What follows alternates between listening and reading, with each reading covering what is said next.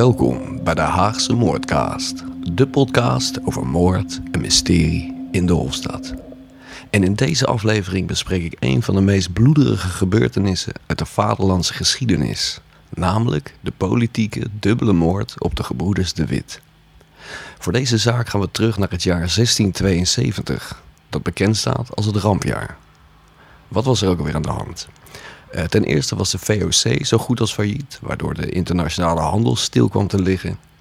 Uh, de Fransen, de Britten en de bisdommen van Keulen en Münster hadden ons de oorlog verklaard. En tot overmaat van ramp was er ook nog een uh, conflict gaande tussen de Orangisten en de staatsgezinden. De Orangisten die wilden een koning aan de macht en de staatsgezinden een stadhouder. Kortom, er was crisis. Het land was reddeloos, het bestuur was radeloos en het volk was redeloos. En het volk wilde een schuldige aan kunnen wijzen voor de misère waar ze in terecht waren gekomen.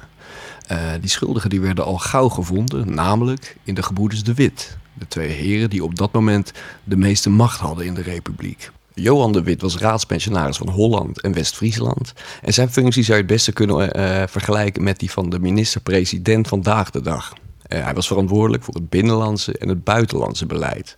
Zijn broer Cornelis uh, was raadspensionaris van Dordrecht.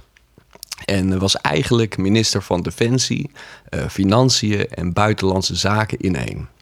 Nou, die orangisten die maakten uh, van de onrust waarin de republiek uh, toen verkeerde dankbaar gebruik uh, door het vuur nog een beetje op te stoken. Ze verspreidden allerlei pamfletten met daarop leugens over de gebroeders de Wit. daarin zouden ze geld achterover gedrukt hebben. ze zouden het leger verwaarloosd hebben, waardoor ja, die Fransen nu ehm, al in de achtertuin stonden. ze zouden kortom, ze zouden het land verkwanseld hebben.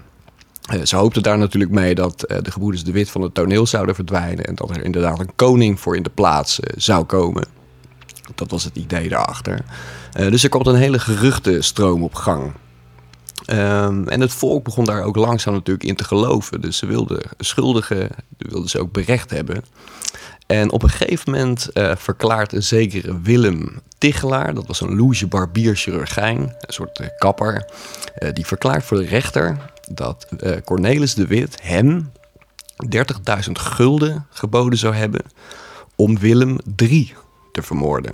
Dus dat hij een moordberaam zou hebben op de prins. Um, geheel ten onrechte blijkt achteraf.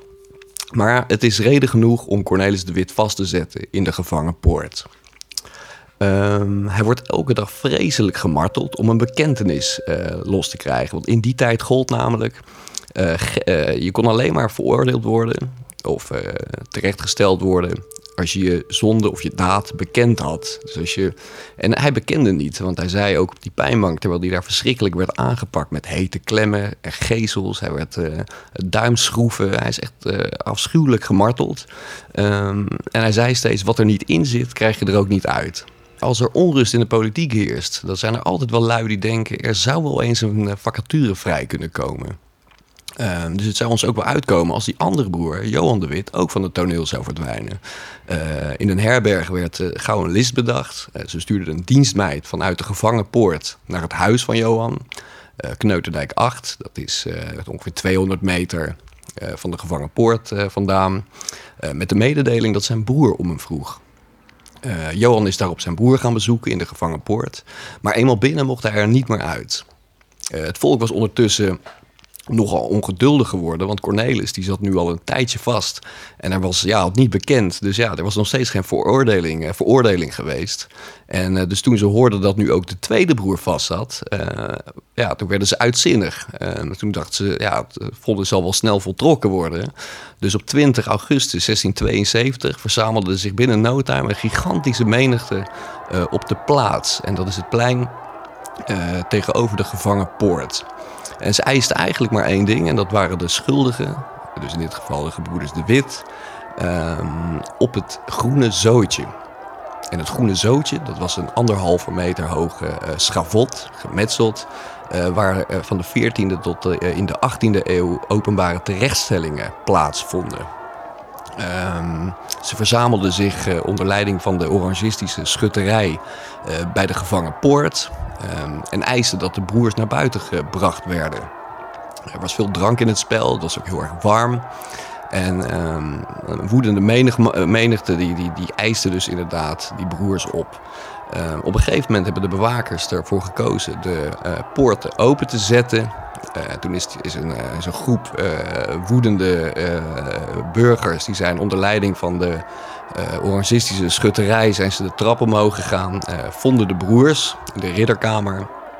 Cornelis lag in bed. Johan de Wit die zat op de bedrand een boekje te lezen. En er werden nogal overvallen natuurlijk. En ze werden aan hun haren de trappen afgesleept en de plaats opgeschopt. Hier werden de broers door de uitzinnige menigte uitgescholden, bespuugd, geslagen, geschopt en uiteindelijk door de schutterij doodgeschoten. Vervolgens werden hun naakte lichamen uh, aan hun enkels, ondersteboven aan de wipgalg op het goede dus zootje opgehangen en aan het grauw overgelaten, oftewel het volk. Omstanders die bestormden al snel het schavot en uh, sneden de buiken open, trokken de ingewanden eruit. die vervolgens volgens ooggetuigen aan honden werden gevoerd. het was één grote bloederige orgie die zijn weerga echt niet kende. de lichamen werden vreselijk verminkt. vingers, neuzen, lippen, oren, handen werden afgesneden en verhandeld. Uh, ook werden de lichamen gecastreerd. Uh, er werd een dode kat werd tussen de benen van Cornelis gelegd. Uh, het wordt beschreven eh, als, als, als, als uitgebeende varkens hoe ze erbij hingen. Um, S'avonds werden de harten ook uit de lichamen gesneden. En die harten die zijn nog jaren in potten met terpentijnolie tentoongesteld geweest. iedereen ging die dag al met een souvenir naar huis. Ehm, in het Haags Historisch Museum zijn nog steeds een tong en een vinger die vermoedelijk van de broers eh, afkomstig eh, zijn eh, te zien. In die tijd durfden maar weinig mensen van aanzien zich uit te spreken tegen, deze gruwelijke moordpartij. Uh, Michiel de Ruiter was daar een uitzondering op. Hij vond het schandalig wat er gebeurd was. Um, ook wijsgeer Baruch de Spinoza, Um, die net als de Ruiter trouwens veel steun had ontvangen van de Wit. Uh, die was uh, ontsteld over deze gruwelijke lynchpartij. Uh, hij schreef op de avond van de moord Ultimi Barbararum. oftewel ultieme barbaren. op een papier. En dat wilde hij dus bij de gevangenpoort ophangen. dit werd vereideld door zijn huisbaas, omdat hij bang was dat Spinoza ook anders het slachtoffer van het gepeupel zou worden. In de eeuwen na de moord hebben talrijke historici zich uh, over de vraag gebogen in hoeverre Willem III van Oranje uh, betrokken was bij de moordplannen op de gebroeders de Wit. Uh, de conclusies die lopen uiteen van geen enkele betrokkenheid via het laten gebeuren van de moorden door zich met opzet afzijdig te houden tot het actief meehelpen beramen. Uh, opmerkelijk is dat uh, Willem Tichelaar, uh, de man die Cornelis beschuldigde een moordaanslag op de prins te beramen, dat deze door dezelfde prins een jaargeld van enkele duizend guldens betaald kreeg tot aan zijn dood. En dezezelfde Tichelaar die zou op zijn sterfbed opgebiecht hebben dat het toen om een valse beschuldiging ging. Hoe het ook zij, feit is wel dat uh, de Oranjes geprofiteerd hebben van deze vreselijke dubbele politieke moord. Uh, later bleek natuurlijk ook dat uh, de broers helemaal niet verantwoordelijk waren voor de crisis.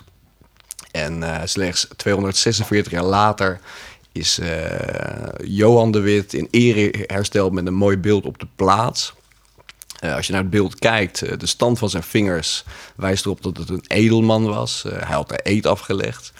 maar de stand van zijn hand vertelt een heel ander verhaal. Hij wijst namelijk naar de plek waar hij zijn laatste adem uitblies. Bedankt voor het luisteren.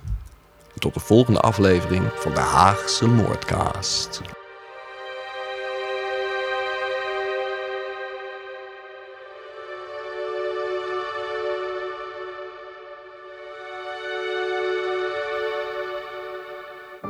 Bedankt voor het luisteren naar deze podcast. Voor foto's en updates verwijs ik jullie door naar mijn Instagram of Facebookpagina Haagse Moordcast. Tot de volgende aflevering.